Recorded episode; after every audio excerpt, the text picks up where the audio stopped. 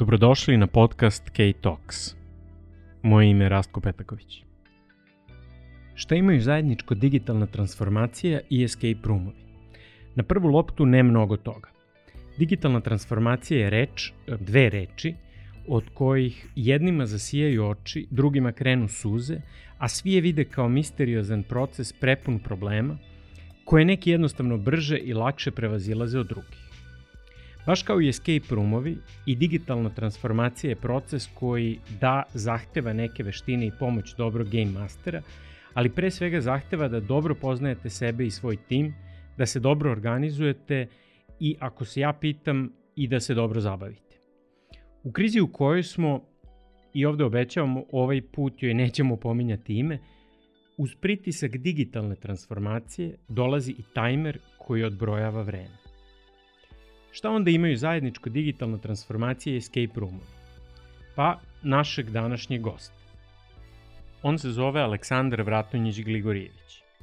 U odelu on je CMO kompanije Telegroup. U majici stoji escape roomova, on je entuzijasta koji je ostavio stotu sobu za sobom. A pored tog i mnogih drugih njegovih interesovanja, on je i osnivač jednog new metal benda. I Alex, reci mi, uh, sviraš li još? Kad si svirao poslednji put? imam na ovom uh, laptopu GarageBand instaliran, razumeš, i mogu preko USB-a da uključim klavijature i gitaru, jedan na jedan, drugi na drugi interfejs i, ovaj, i da nešto snimam, razumeš. I onda sam se igrao pre neko veče i baš sam uživao, znaš, ali sad to, to ti kod mene ti ono, um, stavi laptop na klavir, pa uključi u struju, pa uključi drugu stvar u struju, pa onda izvadi gitaru, pa onda izvadi stala za gitaru, pa onda spoji kabel, pa onda spoji iRig, pa onda ubaci ovo, i onda, znaš, kao, kad si završio sa tim, fazonu si vratio, sad me malo i mrzi da sviram više, razumeš? znaš, kao, koliko sam vremena potrošio, ali nije, šalim se, mislim, i onda sam se igrao ovaj, pre neko veče, pa sam uh, pravio sam backdrop za ovu našu akciju danas, ovaj, mada ne znam da li da ti pustim ili ne, ali vidjet ću. Mislim da bi to bilo sjajno. Ovaj. A reci mi, e, kako se zove band? Uh, watch out, new metal deca iz, sa 15 godina. Ovaj. I šta je ostalo od njega? Jeste i dalje na okupu, funkcionišete ili kako to sve izgleda? Znači, moj kum je bio i basista u mom bendu, ovaj, u našem bendu.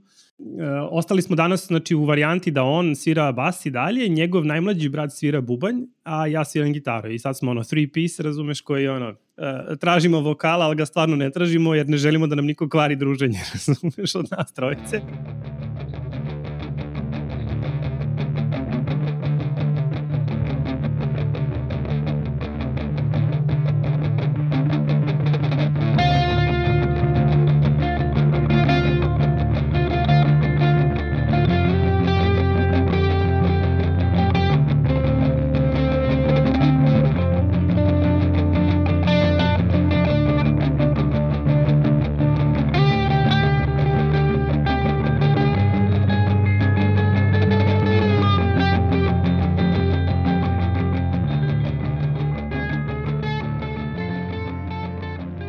Par meseci smo se skupili kod njega na Dorčulu u, u njegovoj spavaćoj sobi i onda smo tamo nešto snimali i nazvali smo to ono Dorčul Bedroom Music Sessions ili ti DBMS ili ti Database Management System, zavisi da li si programer ili nisi.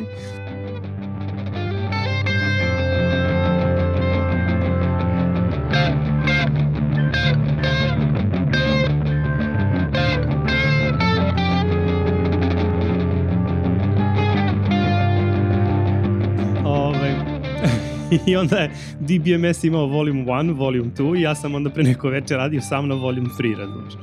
Tako da imamo, sad, imamo tri pesme u začetku.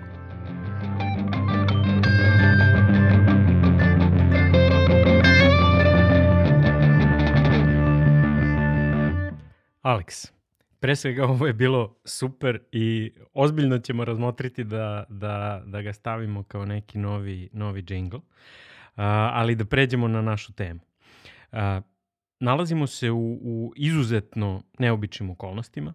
A, posao se preselio na Zoom, na Microsoft Teams, život i prijateljstva pa i, i porodični život su se preselili isto tamo. Svet misli da se digitalno transformisao kako je naučio da koristi Zoom i sad za trenutak svi zaslužujemo uh, pohvalu ljudi koji su dugo bežali od tehnologije u ovim novim okolnostima je prihvataju i počinju da koriste u svojoj svakodnevici i to je zaista sjajno i to je trend koji bi bilo dobro da se nastavi. Ali da li je to zaista digitalna transformacija? To je tema koju bih voleo da razbistrimo uh, tokom ovog našeg razgovora – ali pre toga da nastavimo još malo sa zabavnim temom. Alex, šta je za tebe escape room? Dakle, ne mogu da se ne vratim u, u prošlost i da, da pomislim na, na sve te silne neke e, point and click avanture koje sam igrao kao mali a, i koje su mi praktično otvarale te, te prve neke a, e, varijante narativa koji je koje je bara bar sa logičkim smicalicama i zagonetkama koje ti moraš da rešavaš u nekim najčudnijim uh, okruženjima od pirata koji su uh, zaglavljeni na nekom ostrvu do postapokaliptičnih scenarija do zemlje mrtvih, znači zavisi da li si bio fan Lucas Arca ili si bio fan ljudi koji su napravili Broken Sword i slično. Uh, što to su neke stvari koje osim što si naravno morao da ideš u svoj lokalni disketa klub ili šta je već to tada bilo, da bi uh, nasnimio sve te silne uh, me, medijume za transfer uh, podataka tada i da, da, da instaliraš to, pa si morao u nekim slučajevima što bi rekao moj jedan prijatelj, da, da pišeš sam svoj kernel da bi to uopšte proradilo ovaj, i tako. Znači, znaš, u vreme kada si morao dobrano da se potrudiš i oznojiš da dođeš do, do zabave u digitalnom formatu, ti onda upališ nešto i znaš, kao, kao juče da se desilo taj, to prvo blinkanje Curse of the Monkey Island ispred tebe i ta muzikica i, i, i, znaš, i, i ovaj, sad to je ta neka pasija koja je ostala od tih dana i koju um, u jednom trenutku kada su mi rekli da su u Beogradu otvorila nešto što liči na to samo u, u stvarnom svetu, znaš, bilo je kao, ok, nema šanse da ne odem da, da, da vidim kako to izgleda i ovaj, kako se to može, kako uopšte može da se igra. Ovaj. I onda smo otišli u, to je tada bila soba koja, nažalost, više ne postoji, negde u Knez Mihajlovoj, pa, pa tamo ka Tanjugu, ovaj, koja je izgledala kao neki, neka normalna dnevna soba, u koju ti uđeš, koja ima svoj orman, stolicu, uh, fotelju, stare knjige i slično. I, ovaj, I on, otprilike, rekli su nam možete da radite što hoćete, kao, samo, samo rešite zadatke, izađite napolje, imate sat vremena, kao zaključani ste. I ovaj, meni je to bilo fantastično. Mi smo tu krenuli i, i, i a, igrali se i uh, otkrili magični prolaz iza ormana i prošli u drugu sobu, imali taj wow efekat uh, i, i um, igranje sa, sa perspektivom i slično. Znači, to je tolika jedna količina zabave za odrasle koja direktno ubada onako kao prstom u, u, u neki živac, u, u tu nostalgiju dečiju um, i, i to vreme koje smo koristili da, da, da se igramo kao mali, da prosto sve to sažmeš u um, jedna, jedno jednosatno iskustvo svaki put, znaš. A evo sad sam odigrao već 100 soba, 100 i nešto sa suprugom. Ovaj, I veruj mi da ni jednom nije, nije taj efekat uh, izbegnut. Znači, A, me, meni se čini da je to malo više od jednosatnog iskustva. Bio sam jednom, ali, ali upravo mi se čini kao da ima užasno jaku društvenu komponentu pod jedan okupljanje, pa uh, odlazak tamo, uzbuđenje što ćeš pronaći neku sobu, pa se do, dosećaš barem drugi put kad odeš, dosećaš se nekih caka koje su, koje su u prvoj sobi ti pomogle, bar je meni moje, moje iskustvo bilo tako, a onda kad se sve završi, onda radiš jedan ozbiljan debriefing, šta smo uradili kako treba, šta, šta nismo uradili, da li je dobra soba, da li je glupa soba i tako. Je li to stvarno jednosatno iskustvo ili traje više? Da, da, potpuno si u pravu. E, što više iskustva imaš, e, to je u stvari sve kompleksniji e, nivo analize nakon, nakon izlaska iz sobe, a to onda zahteva naravno i da se sedne i da se nešto popije posle i da se ovaj, ukrste informacije i da se možda neko ko nije ispratio, ako vas je bilo više u timu, a uglavnom vas je više, ove, ovaj, da neko ko nije ispratio možda neki deo da, da, da pita, da, da ponovo prođe kroz, kroz, e, kroz zagonetku, da, da mu objasniš šta nije bilo jasno ili, ili da pitaš, nebitno. O, da, apsolutno ima taj moment gde ti prvo imaš veliki transfer znanja svaki put kad izađeš iz jedne uh, sobe i neku, da bi ušao u sledeću. Mislim, ne zato što su one linearne i zato što prate jedna drugu, već prosto zato što um, naravno ljudi koriste slične fore i fazone da ti, da ti zagorčuje život unutra i o, što si ih više odigrao, to ti više neki stvari znaš. Premda kako se, evo, kako se razvijaju sobe i kako se razlikuju sada već po generacijama. Imali smo te prve sobe prve generacije koje su bile uglavnom fokusirane na traženje ključeva, katanaca, šifri i ostalo, do ovih nekih danas vrlo naprednih soba koje su skoro polu ili u potpunosti automatizovane, gde, gde stvari rade uglavnom na bazi nekih senzora, magneta i slično, gde praktično i nema nikakvih ključeva kao takvih ove, gde, gde si u mogućnosti da više stapaš priču sa zagonetkama ove, i da ih uklapaš, jer to bože ako se cijela situacija dešava u recimo piramidi nekoj egipatskoj, malo bi bilo nelogično da su unutra katanci. Tako da ove, mnogo je logičnije da, da postoje, ne znam ja, neke statue koje moraš da postaviš negde na adekvatan, adekvatno mesto i da ih okreneš na pravi način, da one možda reflektuju neki zrak ili slično, da bi se nešto desilo i otvorilo. Ove, e sad kažem kako je tehnologija napredovala i kako su napredovali e, ljudi koji prave i u ostalom scena sama i količina novca koja se investira u e, produkciju tih soba Znači kako je to sve raslo i evoluiralo, tako su i, i, i iskustva za ljude postale kompleksnije i za, za interesantnije. I onda to dodatno još zahteva jedan nivo tog debriefinga nakon, nakon ove, izlaska iz sobe gde uh, prosto delimo tako iskustva i, i, i negde uh, kapiramo šta je, šta je nešto što možda može da nam, da nam koristi u nekoj narednoj iteraciji slično kao iskustvo. A super mi je zanimljivo to kako postoje uh, sobe prve, druge generacije i u suštini one se malo, uh, ajde, napreduju zajedno sa, sa, sa svetom, a da li, uh, uh, ko, ajde ovako, koje su bolje, uh, koje su zanimljivije? Zato što razmišljam, uh, one imaju jak efekat da uđeš u sobu i onda uživiš se u to koje je vreme i kakva je atmosfera i tako dalje i nekad to može da bude uh, egipatska piramida, pa sad na nekad to može da bude postapokaliptična uh, situacija, koje su, da, da li može da se miksuje, da li mogu da budu katanci u postapokaliptičnoj situaciji i neki senzori u, u egipatskoj, jel to može da se šara ili kako ja to sve zamišljam?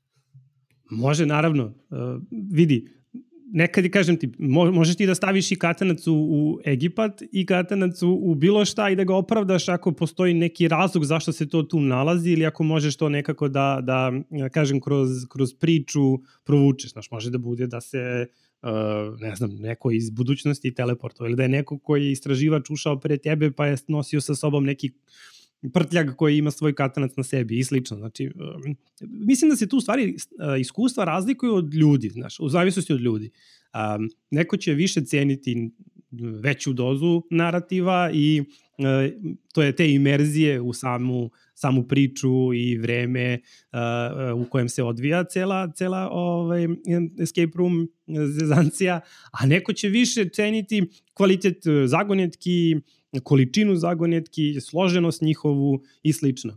E, mi, ja lično preferiram da znaš ono, kad, ako postoji logična spona između toga zašto se baš ta zagonetka nalazi na tom mestu, um, ja ću, ja ću imati veću dozu um, zadovoljstva nakon sobe, jer um, tu sad ulazimo u problematiku kako oceniti kvalitet sobe i zašto su recimo trenutno veliki problemi sa um, internet e, reviewovima, jer tebi e, ne znam, razlika između 4,6 i 4,7 ocene na TripAdvisoru može biti bukvalno nebo i zemlja. To samo zavisi od tebe, od toga kakav si ti čovek. I, i ovaj, šta je tebi interesantno. Da li te Game Master je iritirao? Da li su ti, ne znam, da li je bilo previše prašnjavo? Da li je, da li ti želiš da bude previše prašnjavo? Znači, potpuno je E, e, puno stvari zavisi od one lične, lične preference e, osobe koje ulazi unutra da igra. I trenutno mislim da ne postoji jedan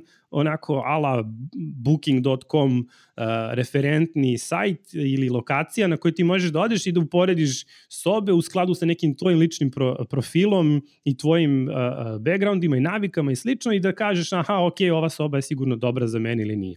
A Zašto je to bitno? Pa bitno je, na primjer, ok, ja shvatam da ja, ja možda spadam u grupu escape room entuzijasta koji će da odu na vikend u Budimpeštu i da odigraju 10 soba za dva dana. Ove, i, a, I onda meni to toliko i nije bitno, u smislu da ja ću da probam i lošiju i bolju i, i samo da steknem neki svoj utisak o tome.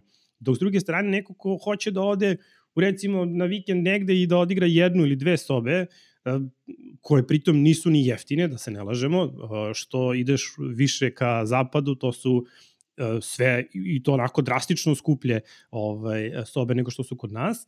Mm, stvarno želiš da dobiješ neki kvalitetan predlog i negde neko, neku preporuku na kraju krajeva od nekog kome veruješ. I onda smo, praktično mi smo se sveli na to da proverimo, imamo jednog tipa nekog engleza koji se zove recimo Logic Escapes Me i ove, pratimo njegov blog I on tako sa društvom ide po svetu i igra sobe i e, daje im svoje ocene. Prošli smo praktično 30-40% njegovih soba koje on odigrao, pošto je on odigrao neke stotine, stotine soba. Ove, I mogu ti reći da smo se poklopili praktično s njegovim reviewovima jedan na jedan. I onda nam je to nešto što sada često koristimo kao, kao polaznu osnovu kada biramo gde ćemo ove, kad idemo negde na put. Tako da, e, eto, možda je to jedan od odgovora kako, kako to uraditi, ali opet kažem, treba naći tog jednog koji, koji se poklopa sa tobom i koji će ti biti e, neka, neka vrsta vodilje. A reci mi, a, kad gledaš, ajde, prva, druga generacija, a, ako sklonimo to po strani, u suštini trebalo bi da, da postoje, opet barem je moje takvo vrlo ograničeno iskustvo, trebalo bi da postoje linearne neke sobe, možda neke nelinearne. Kakva je razlika između jednih i drugih i, i postoji nekako od, od te dve koje preferiraš ili se samo radi o kvalitetu? Velika je razlika zato što uh, sad opet tu dolazimo u onu priču da li tu voliš da igraš sa većim brojem ljudi ili uh, voliš da igraš samo u paru. Uh, neke sobe danas po, po svetu zahtevaju uh, minimum četiri igrača. Baš zato što postoje nelinearni delovi ili postoje delovi u kojima četvoro ljudi mora nešto simultano da uradi, ali fizički je nemoguće da to budu dvoje ljudi pošto su odvojene lokacije. Ove, ovaj, I mislim da je uh, Uh, ajde ovako, znači, linearna soba je naravno ona koja podrazumeva da moraš da rešiš jedan problem koji će ti onda otvoriti neki, neki vid um, traga za sledeći problem, pa za sledeći, pa za sledeći, tako dok ne izađeš napolje. Nelinearne sobe su one koje imaju 3-4 neka paralelna treka koje se mogu praktično rešavati u isto vreme i onda tu može, ako vas je veći broj, možete da se podelite da biste bili efikasniji, jer poenta je naravno rešiti uh, sve zagonetke i izaći za što, što, u što kraćem vremenskom periodu. E sad, um, tu se stvar malo komplikuje kako dolazimo do ovog nekog novog fazona escape rooma koji je sada, ja kažem, neki novi nivo, a to je um, uključivanje živih glumaca u sobe što je neka spona između tog imerzivnog pozorišta i escape rooma, nešto što ja vidim kao definitivnu budućnost ako uopšte nastavi da postoji ovakav vid zabave nakon ove pandemije. ali da, definitivno nešto što, evo ako pogledaš, znači postoji jedan, jedno udruženje nezavisnih ljubitelja escape roomova, koje, posla, poslaću ti link pa da možeš da ostaviš slušalcima, znači koje ti praktično rejtuje najbolje sobe svake godine, top 50 soba i top, 50, uh, top 10 najboljih kompanija koje proizvode te sobe u svetu. Top 10 ili top 20. I, i tu sad kad pogledaš stvarno u tih top 10, 15, 20 soba u svetu, svaka je imersivna. Svaka ima sa sobom i glumce unutra i to se praktično najavljuje unapred, imaju sad obavezu to da ti kažu, ranije u onom prvom začetku to je bilo toliko iznenađenje za mene u jednom trenutku, mislim da sam, da sam izgubio 10 godina života zahvaljujući činjenici da nisam pretpostavio da, da lutka nije lutka, nego da je osoba, ove, dok nije bilo kasno. Če, kako je to izgledalo? Da, mislim, ušli, ušli smo u sobu, to je uh, bilo u Beogradu, i uh, soba je bila neke horror tematike, i, ovaj, i imaš praktično jedan zid koji je um, od žice. Kao žica za, za živinu, ako, ako si nekada video kako to izgleda. I, um, i, Živim na selu, ali... E, eto vidiš, dobro, ok, sve znaš. um, Znači, žica koja je u sebi imala rupu koja je taman te e, veličine da ja mogu ruku da provučem kroz nju. Znaš. A iza žice se nalazi zavesa. I vidi se neke, neki obrisi kao da je lutka neka pozadi u, u ljudskoj veličini. I ja rekao, hajde, dobro, vratno, moram da provučem ruku, da sklonim zavesu, pa će na luci nešto da piše što ja moram da iskoristim za, za drugi deo sobe. Naravno, ja sam povukao zavesu, kad je taj tip skočio na mene i uhvatio me za tu ruku. Znači, ja sam se trgao. Mislim da, da kažem, stvarno me nije sramota, ali uh, vrisak je bio onako poprilično u visokim tonovima. Znači, ovaj, I to je ta neka vrsta jump scare koja sad služi uh, sve češće u, u sobama. Igrali smo skoro u Barceloni jednu uh, gde uh, je, uh, ide dotle da u momentu kad se provlačiš kroz neki uh, onako kao, kao ventilacioni otvor uh, kroz koji, to jest tunel koji je dugačak jedno 3-4 metra, u jednom trenutku te neko uhvati za nogu i izujete. Znači, to je to je to, znaš, to je to je taj nivo panike koji je potpuno iracionalan jer ti znaš da je to igra i ti znaš da je tu da to sve služi samo da bi se ti mislim zezao, da ti ništa neće se dogoditi, ali količina uh, straha i, i, i nek, neke frke koje u tom trenutku krene, to je presmešno, ali to, to je ono što ti negde i, kažem, uh, razlikuje sad već sobu koja je uh, ne i onu koja je strava. Naravno, opet, ako ti voliš, čak su došli dotle da ti sada, da te pitaju na početku, pre nego što ti bukiraš sobe, o, sobu, znači pitaju te da li želiš horor ili misteri opciju. Znaš, pa on, oni ljudi koji ne vole previše iznenađenja, onda idu na misteri opciju, a oni ljudi koji vole da se da se guraju malo dalje u, u svojim nekim granicama, onda uh, biraju te horor opcije. Kažu, by the way, da su Rusi ono, notorni kad je u pitanju horor. Znači, da tamo ide do ono fizičkih obračuna, mada nisam probao. da, ne, ne čudi me, ne čudi. Da, da. A, a re, ka, kako li je došlo prvi put do toga da sad moraju da ti jave, da je, da, da uključuje čoveka samo, ne bih volao da znam. da volao bih i ja da znam, pretpostavljam da je u pitanju neka legislativa, znaš. Sigurno nije počelo kod nas, ego neki zapad. Neka, neka parnica, možda i neki, neki infarkt ili nešto slično. Da, da, neki small print uh, apsolutno uh, je, je doveo dotle, a mislim, ok, kako kažem, kako evoluira scena, tako su i sve odgovorni, stvarno.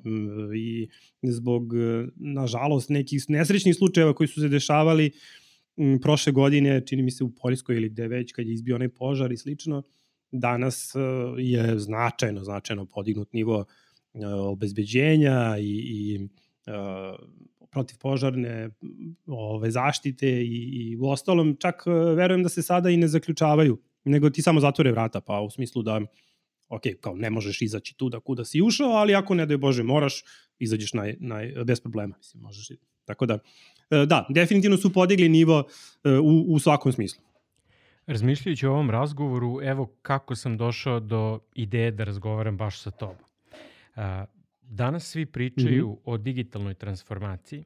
Svi govore o načinima da se umesto uživo i na način kako smo do sada navikli preko takozvane brick and mortar ekonomije, da se prebacimo na virtuelnu ekonomiju i svi smo stavljeni u situaciju da brže i češće moramo da komuniciramo, da budemo u čestoj komunikaciji sa svetom. Moramo u suštini da pronalazimo nove načine komunikacije, moramo da pronalazimo nove načine da ostanemo u kontaktu. I sad, ok, s jedne strane kad to gledam čini se da je e, ubrzana digitalna transformacija. A, čini mi se da, da smo napravili ozbiljne korake ka tome da prihvatimo nove tehnologije zato da bismo bolje komunicirali. Ali isto tako dobijem jak utisak kao da je ova sadašnja situacija zapravo usporila digitalnu transformaciju. Sad eto, za, za, za mene je pitanje digitalne transformacije uvek bilo pitanje koliko si u suštini u stanju da raspolažeš svim svojim informacijama e, pravovremeno i da ih koristiš pravovremeno. Koliko si u stanju da pružiš pomoć većem broju klijenata i to kvalitetniju pomoć. Koliko si više sposoban da u okviru organizacije unapređuješ znanje, da deliš znanja, da deliš iskustva, da koordiniraš rad leve i desne ruke. I čini mi se da je za nas koji na taj način posmatramo digitalnu transformaciju možda došlo i do usporavanja.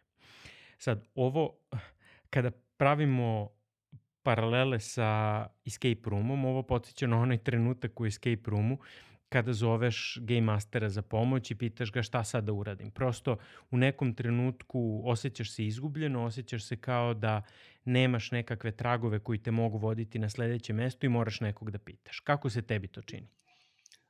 Što bi ti pametno rekao, e, znati, to jest znati da koristiš e, Zoom ili Skype i misliti da si se na taj način digitalno transformisao, to ti je kao kad uđeš u, u, u Americi u escape room i znaš engleski. Znači, to je uh, neophodna uh, komponenta da bi nešto radio unutra, ali daleko od toga da će te samo ta stvar dovesti do toga da izađeš iz sobe.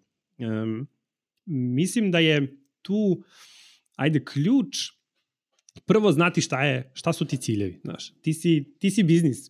Biznis e, ima svoju, svoju svrhu, ima svoju vrednost koju isporučuje svojim korisnicima, možda da znaš ko su ti ti korisnici, da znaš šta je njihova potreba, pogotovo sada u ovom trenutku šta je ta suštinska potreba ljudi koji su ti ili sistema koji su tvoji korisnici i kako to da, da isporučiš na neki uh, efektivan i efikasan način. Tu je dosta često, ajde da kažem, nešto, što, ono što prethodni uspeh je, je najveća prepreka budućem uspehu. Znaš, uh, ti si uh, kao biznis često uh, prosto zatvoren u tom svom business as usual pristupu rada i kad se dese tektonski poremećaj ili kada barem imaš volju i želju da nešto promeniš u okviru svoje organizacije i svog procesa rada, nije, nije mislim, nije strano tražiti pomoć. Znači, uzeti konsultante, platiti nekoga eksternog ko će doći i negde te usmeriti barem u, u pravu stranu. Znači, ja kad tražim pomoć u escape roomu, ne tražim kao, je, kao pomozi mi da rešim, ne, nije mi jasna ova zagonetka. Ne, nego samo mi reci da li gledam na pravu stranu. Znaš, da li sam nešto propustio, nešto što nisam video. Možda postoji deo e, slagalice koji, sam, koji, koji se nalazi negde u sobi, a ja ga uopšte nisam primetio. Um, ja mislim da je to vrlo slična stvar i može se povući paralela sa ljudima koji su uh, u biznisu i koji u jednom trenutku zovu konsultante i traže pomoć.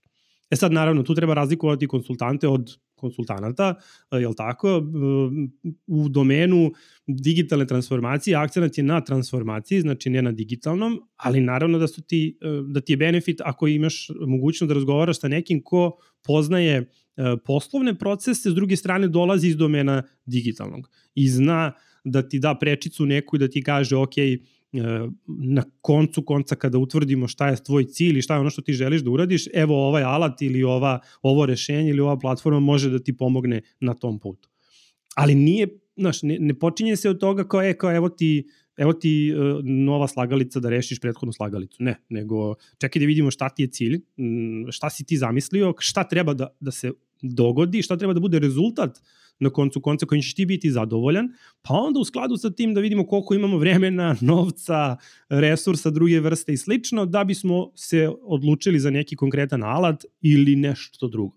Znaš, mi, ja tu često povezujem e, inovaciju sa, e, to jest smatram je neodvojivom, neodvojivom od, od digitalne transformacije, zato što um, samo doći u fazu da ti kao radiš od kuće i da imaš e, digitalizovan proces u okviru kompanije, to je strava, ali mislim suštinski koliko će to doneti tvom biznisu e, koristi, to ne znaš dok ne dođe do ovako neke situacije kao što je ova trenutno sada.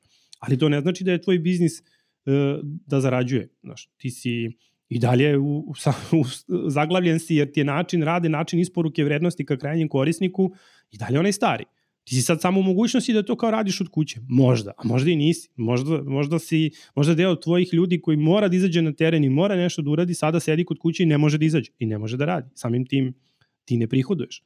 I, ove, I onda je neophodno naći novi poslovni model, nov način izlaska na tržište, nov način, možda moraš neko partnerstvo da ostvariš, možda moraš da se udružiš sa nekim. Um, od uvek sam verovao da su, da su partnerstva, pogotovo danas, nešto što je ključ u, u ovoj uh, digitalnoj transformaciji, zato što postoji neko ko već isporučuje kroz svoju platformu svom broju korisnika nešto.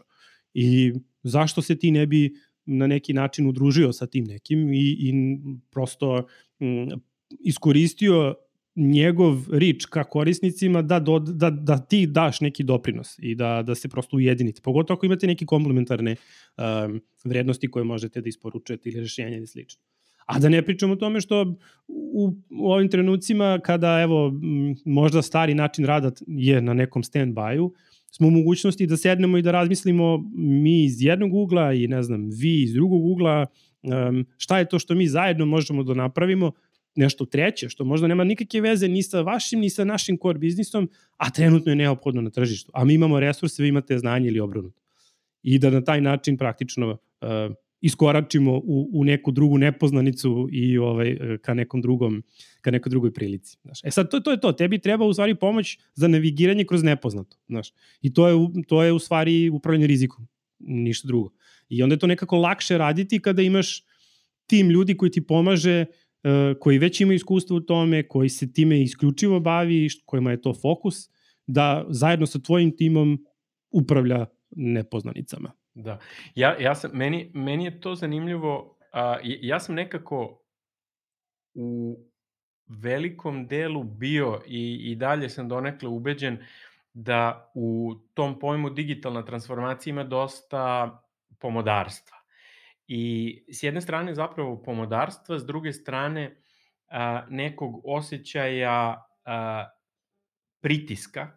Dakle, postoji nekakav a, pritisak koji je u, u kompanijskom smislu neki tip, ajde, peer pressure znači neki, neki pritisak zato što vidiš da, da, da drugi to rade i s jedne strane mislim da svako mora da postavi sebi pitanje da li mu treba digitalna transformacija i zašto mu treba, jer sam ubeđen da će odgovor svaki put biti da, ali s druge strane razlozi iz kojih u to ulazi i način e, koji se tome posveti nije, nije često pravi razlog.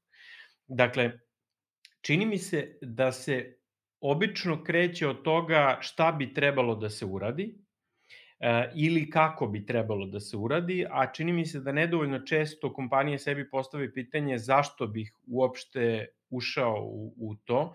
I, i mislim da si dobro primetio na početku mislim da je za svaku diskusiju o digitalnoj transformaciji neophodno početi od toga koja je to vrednost koja se generiše klijentima i bez digitalne transformacije i kako bi digitalna transformacija mogla da pomogne da se ta vrednost isporučuje efikasnije, kvalitetnije, pametnije i ono što, što je verovatno možda najbitniji razlog opravdan razlog trenutno, a to je način koji je istovremeno i nekako future proof.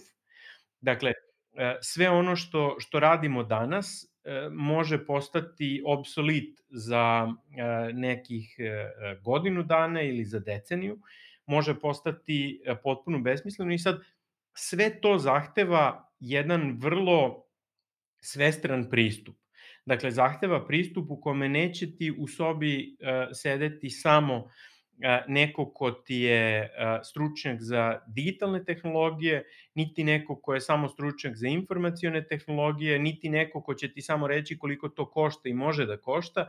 Znači, treba ti neko ko će, uh, uh, ko će razumeti šta je za CEO-a, recimo, prioritetna stvar u narednih 5 godina, 10 godina, šta se dešava na tom, u toj industriji, da li je to industrija zapravo industrija koju treba gledati. I sad, e, e, kad, kad sve to kažem, imam nekako utisak da kada bih razmišljao s kim bih razgovarao o, o tome, ja bih razgovarao pre sa nekim modernim filozofom nego sa nekim developerom. Dakle, bilo bi mi potrebno da, da razumem i budućnost i, i ko sam ja sada i prošlost i sve, bilo bi mi potrebno da o biznisu razmišljam na mnogo integralniji način nego što mi se čini da, da drugi ljudi razmišljaju. Jel ti deliš takvo mišljenje i, i kako, kako, kako pronaći pravi ugao gledanja pre nego što smo odlučili s kim ćemo da razgovaramo o tome? Da, apsolutno. Naš 100% si u pravu, o, jer to je neka bolest današnjice je ta to posmatranje rešenja onako granularno i pronalazak opcija koje reše jedan deo slagalice. A kada imaš slagalicu koja je multidimenzionalna kao što je upravljanje poslovanjem neke kompanije ili, ili malog, srednjeg preduzeća, nebitno, tu ne, ako, ako ne posmatraš stvari na jedan holističan način, nema, nema šanse da ćeš naći uh, iole future proof rešenje. Naravno, ne, nemoguće, niko ne zna šta dolazi sutra, niti iko od nas gleda u budućnost i, i može da bude uh, neki Nostradamus svog vremena, ali um, posmatrajući upravo ovo što si pomenuo, znači biznis odakle, odakle je došao, koji je to neki put koji je prešao trenutno, koji su to pravci u kojem želi da ide, koliko će ga potencijalno koštati istraživanje u tom pravcu, odnosno o tim pravcima, to su stvari koje, koje zanima top management. Znaš, I ti sad prvo sve ovo što mi pričamo to ti je opet ono set kluova u escape roomu. Znaš, ti kad si ušao u escape room, tebi na sve strane postoje neki tamo ne znam, s leve strane se nalazi neka slika na zidu, s desne strane se nalaze neki brojevi, sad ne znam, na podu je ultra, ovaj, ultraviolet može da se pročitaju neka, neka, neke poruke, nebitno, znači, znaš, to su stvari koje ti kada uđeš u jedan kao konsultant u jedan biznis i kad kreneš da sagledavaš, to, to su sve elementi koje ti uzimaš u obzir i koji ti mogu pomoći da uh, pretpostaviš šta će biti ciljevi. E, a onda neko iz top managementa mora da kaže prioritet. Znaš, jer, ok, imamo ciljeve, super, ajde vidimo šta nam je sad ono hitno i bitno, ovaj, i sprem toga koliko smo voljni da resursa uložimo u uh, istraživanje rešenja koje će nas odvesti u smeru u kojem želimo, u nekom roku koji nam je, koji nam je neophodan. Znaš, jer prosto ti kad gledaš, kad upravljaš biznisom, tebi su danas mahom isti drajveri, 5, 6, 7 komada isto za, za sva preduzeća, od povećanja prometa, profita, operativnosti, ne znam, zadovoljstva korisnika i slično. Sad, to, to je nešto što mora da se stavi na, na papir i nešto oko čega ceo top management mora da se složi i da kaže da, to je smer u kojem želimo da idemo i to su nam prioriteti tek onda ima nekog smisla ulaziti dalje u, u transformaciju poslovanja. Pa u digitalnu transformaciju poslovanja, jer um, dosta, dosta mi je tih primjera bilo iskustvo e, pokazalo, znaš, da, ne znam, ti imaš organizaciju koja želi da poveća svoj funnel i da, e, odnosno proširi ga i da omogući od današnjih 100 da dođe do 3000 ponuda mesečno. I, ove, I kao super, to će da uradi tako što će da napravi sjajan sajt i tako što će da napravi neku aktivaciju i tako što će uh, da, da napravi neko partnerstvo s nekim, super, i to će sve da se slije na ove dve osobe koje dan danas štrikaju te ponude. I ti kad pričaš s tim osobama koje naravno inicijalno nisu bile uključene u projekat, nego je uh, projekat u, u svom četvrtom mesecu rada ovaj, i tek sada dolazimo u mogućnost da pričamo sa ljudima koji štrikaju ponude, pitaš ih koliko vi možete maksimalno ponuda da napišete u, u mesec dana, oni kažu 50. A ono s druge strane znamo da će za dve, tri, četiri uh, nedelje ili mesec dana doći do toga da, da dobijaju po 3-4 hiljade zahteva dnevno.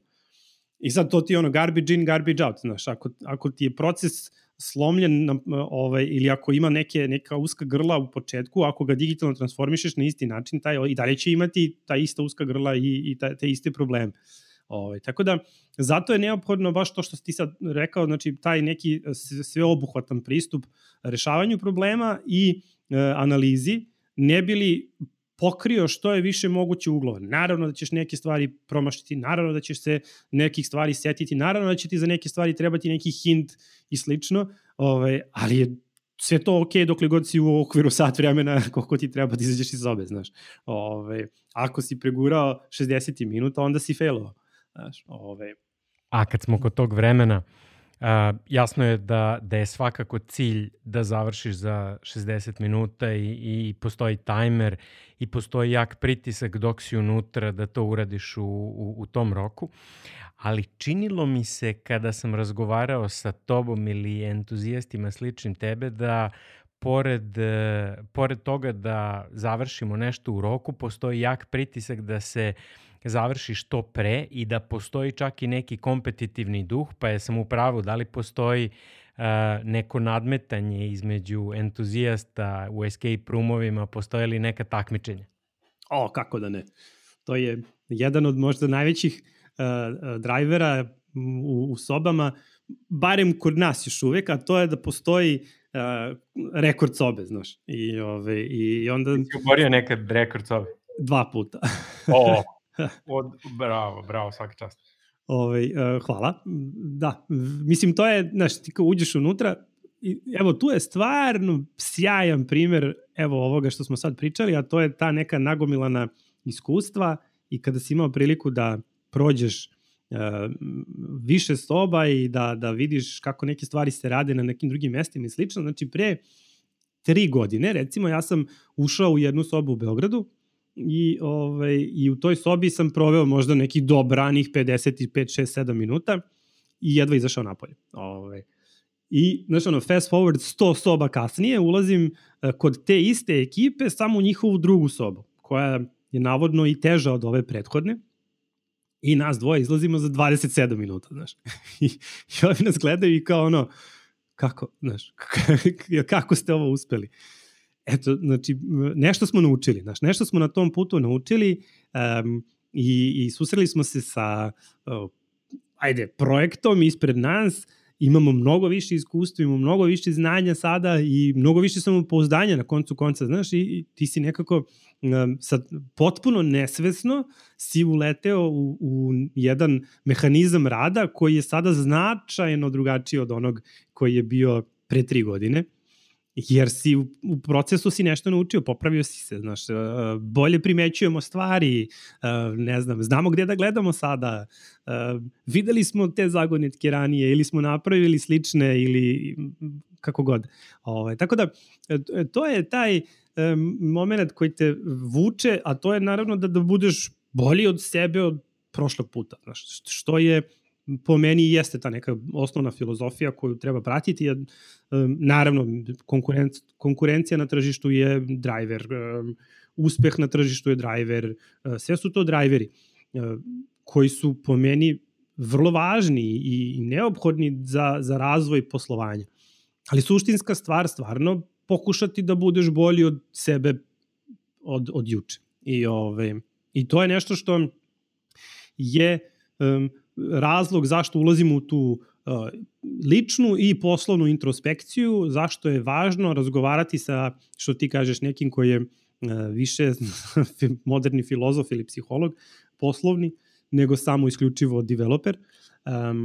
Neko ko će biti u, u mogućnosti da ti da ti postavi prava pitanja da bi otkrio prave probleme. Ne ono što ti percipiraš kao problem, nego ono što je možda neki preduslov tvom pre problemu i nešto što je začetnik niza koji je doveo do današnjeg problema. I, ove, I što pre ti neko pomogne da ti pronađeš taj pravi problem, da li se on nalazi u okviru tvoje organizacije ili se nalazi negde kod tvog korisnika, a to je ugao koji praktično uh, treba da, da bude nešto što što radimo po, po ono što kažu po defaultu, po automatizmu, a to je da um, kad krenemo jedan projekat, krenemo iz, iz perspektive uh, krajnjeg korisnika i gledamo da li smo mi u stvari rešili tom korisniku neki problem i koji je to problem. I ako nismo ga rešili, a mislimo da jesmo, hajde da se popravimo, hajde da budemo bolji od, od naše uh, ponude od juče i hajde da tom krajnjem korisniku rešimo taj problem. Tako će korisnik biti zadovoljni, tako će biti, um, ajde da kažem, neko ko će se vraćati i, i kupovati od nas ili, ili koristiti naš, naše resurse ili naše, naše usluge, ne bili na kraju doveli do toga da i mi imamo veći uspeh na tržištu, odnosno postignemo neki od onih naših um, ciljeva koji su poslovni ciljevi bili na početku kad smo ušli u, u projekat.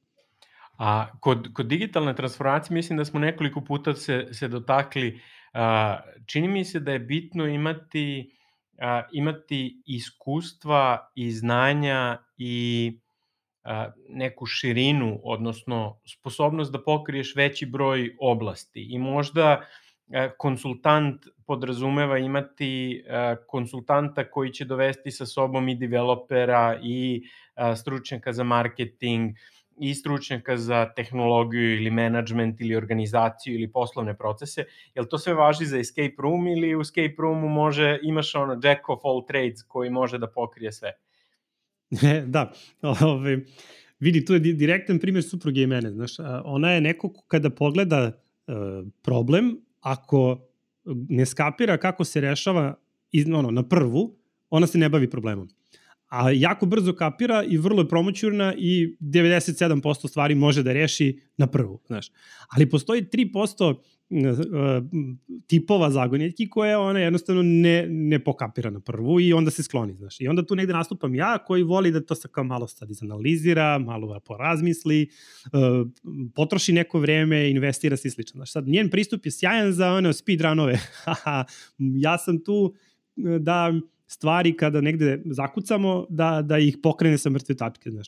Um, isto tako ti u sobi imaš, kad, ne znam, imaš ljude koji vole da razvaljuju stvari, uh, imaš ljude koji um, vole da, da posmatraju stvari iz neke, uh, ajde da kažem, sa neke distance, pa će primetiti možda neke paterne koji su jedna od sjajnih zagonetki koja je bila u toj baš prvoj sobi u kojoj sam ikada bio, bila je, um, bio je orman jedan, I taj orman je imao tako poslagane one prečagice uh, u, uh, kad ga otvoriš unutra sa stvarima, uh, da, naravno, ja sam došao, otvorio orman i krenuo da, da čeprkam po stvarima i, i slično. A u stvari je trebalo napraviš 3-4 koraka nazad i da shvatiš da su prečage da ispisuju cifre. Znaš.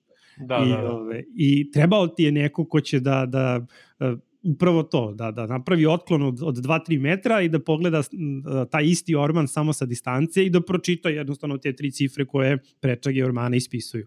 Ovaj, a ja koji, kome je ono nos bio u knjigama ovaj, zabijen, znači nisam uopšte mogao to da, da primetim. I, ovaj, I sad to ti je, znaš, ono, što kaže ovaj Malcolm Gladwell za for a worm in horseradish the world is his is horseradish razumeš? Znači a, ti kad si u biznisu svom sopstvenom ti si e, potpuno a, zaokupiran m, time i tvojom tvojom slikom i tvojom pre, percepcijom realnosti sveta oko tebe. I onda a, kada ti dođe neko ko sa strane i u mogućnosti da dovede potencijalno i nekoga ko se bavi marketingom i nekoga ko se bavi razvojem i nekoga ko se bavi e, pravno regulativnim stvarima, znači pogotovo ako hoćeš da napraviš neki novi poslovni model i hoćeš da ponudiš nešto novo na tržištu, to su sve stvari koje mislim ono što, kažu to je škola 101 u vidu toga koji su to sve uglovi koje ti moraš da pokriješ kao institucija koja hoće da ponudi nešto tržištu. Znači i sa, sa svih tih aspekata i um, imajući, nemoguće imati sva ta znanja u jednoj osobi. Znači, zato ih treba dobar tim. E sad, vrlo često mi imamo ljude u okviru naših organizacija koje znaju uh, dobro te svoje delove. Samo je pitanje koliko su voljni da sagledaju poslovanje ili koliko im je uopšte data mogućnost da sagledaju poslovanje holistički. A koliko oni to gledaju iz svog nekog ugla. Na što ti je tipičan primjer ono računovođe. Znači, računovođa koji zna da mora pred što kažu pred Bogom i pred finansijskim direktorom, što je uredno, ovaj, uglavnom ista stvar, da bude čist. I, ovaj, i da, da pred državom, što kažu, platili smo poreze i sve, sve crno na belo kako treba. A onda s druge strane, dolazimo u situaciju da, na primjer, evo danas imamo ovaj, um, ove poraske olakšice, razno razne, imamo um, potporu neku koju nam država pruža kao organizacijama, imamo neke benefite koje možemo da iskoristimo ako zapošljavamo nek dosadašnje paušalce i slično. To sve zahteva da shvatimo E, kako naš biznis funkcioniše i kako iz, iz svega toga da praktično iz, izvučemo maksimum ili da dobijemo ono što nama najviše odgovara kao organizaciji. I sada u tom trenutku taj računovođa više ne može da posmatra stvari samo iz svog ugla. Znaš, on mora sada da se izvuče da, da pogleda i da, da shvati gde može da beneficira, na koji način, da razgovara sa finansijskim direktorom, da možda um, uđe u teme nekih e, aspekata biznisa do kojih, koje do sada nisu bile uh, važne za tu osobu, ne bili sa svoje druge strane shvatio ili shvatila zašto ćemo ići u nekom pravcu, zašto nam je sad nešto važno, zašto ne možemo da, da, da pristupamo na, na onaj neki standardan način na koji smo navikli i slično. Znaš.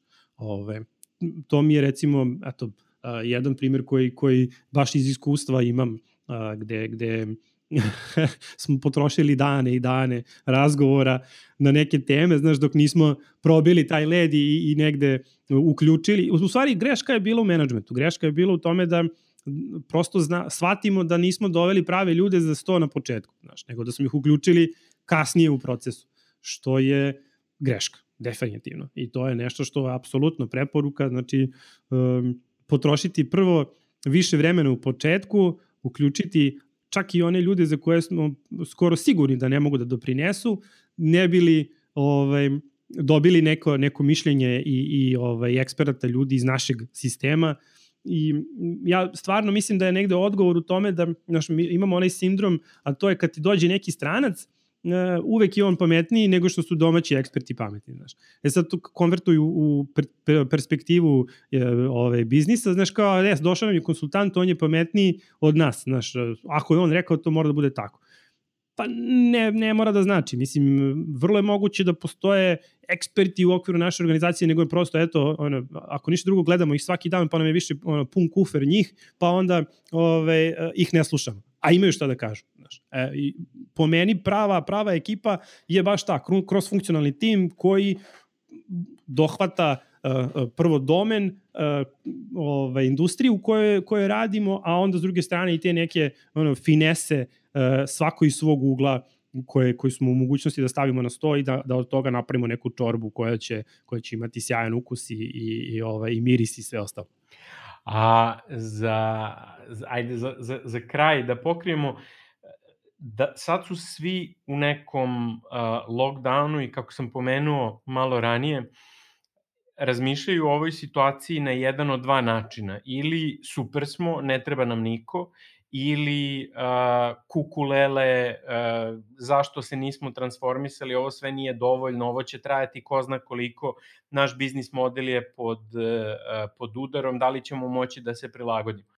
Koje bi pitanje trebalo da postavi sebi uh, modern CEO ili, ili uh, vlasnik nekog malog, uh, malog preduzeća ili velikog preduzeća, uh, koje bi pitanje trebalo sebi da postavi koje će mu dati odgovor možda uh, i na to da li radim premalo i da li radim uh, ili, ili da li sam skroz ok? Da li sam ja kao CEO u kontaktu sa svojim kupcem? Znaš, da li razumem ja svog krajnjeg korisnika?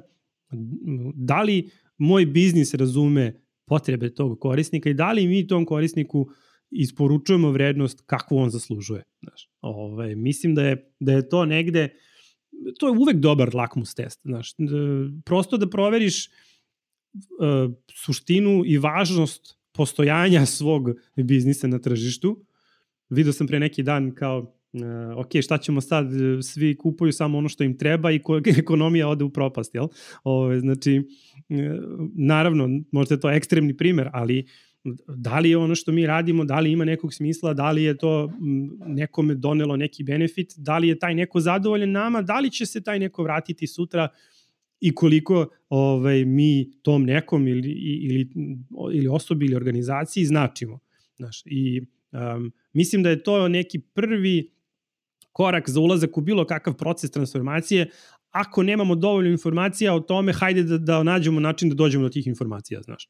Da li će to biti tako što ćemo da edukujemo naše zaposlene, da li će to biti tako što ćemo da otvorimo neki novi kanal komunikacije, neki novi kanal prodaje, da li ćemo otvoriti neko novo partnerstvo koje će nam značiti, koje će nam omogućiti da dođemo do, do naših krajnjih korisnika, da li uopšte imamo rič ka njima ili nemamo, ili smo posrednici, znaš, da li smo samo distributeri protočan bojler koji sutra može da bude pregažen ili preskočen uh, od strane nekoga drugog. Znaš, to, to su stvari koje po meni uh, sve možemo da saznamo tako što ćemo imati bolju i prisniju komunikaciju sa krajnjim korisnikom, a smatram da nama u našoj industriji, mislim u, u, na našem geografskom položaju ovde, uvek hronično nedostaje uh, znanja o tome kako se bavimo korisnicima i kako nam je to, ka, kako ih tretiramo i kakav je naš imidž, odnosno koliko smo mi važni ili nismo važni krajnjim korisnicima.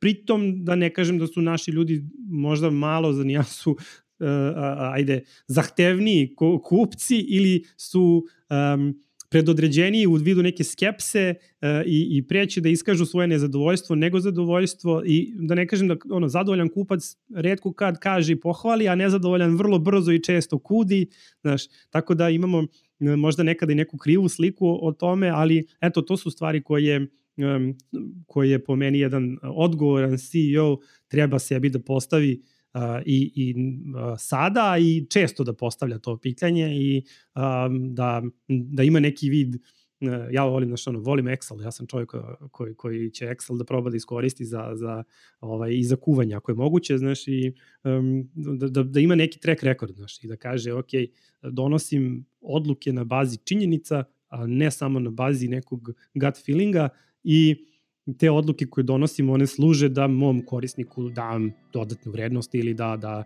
e, budem bolji od onoga što sam bio juče.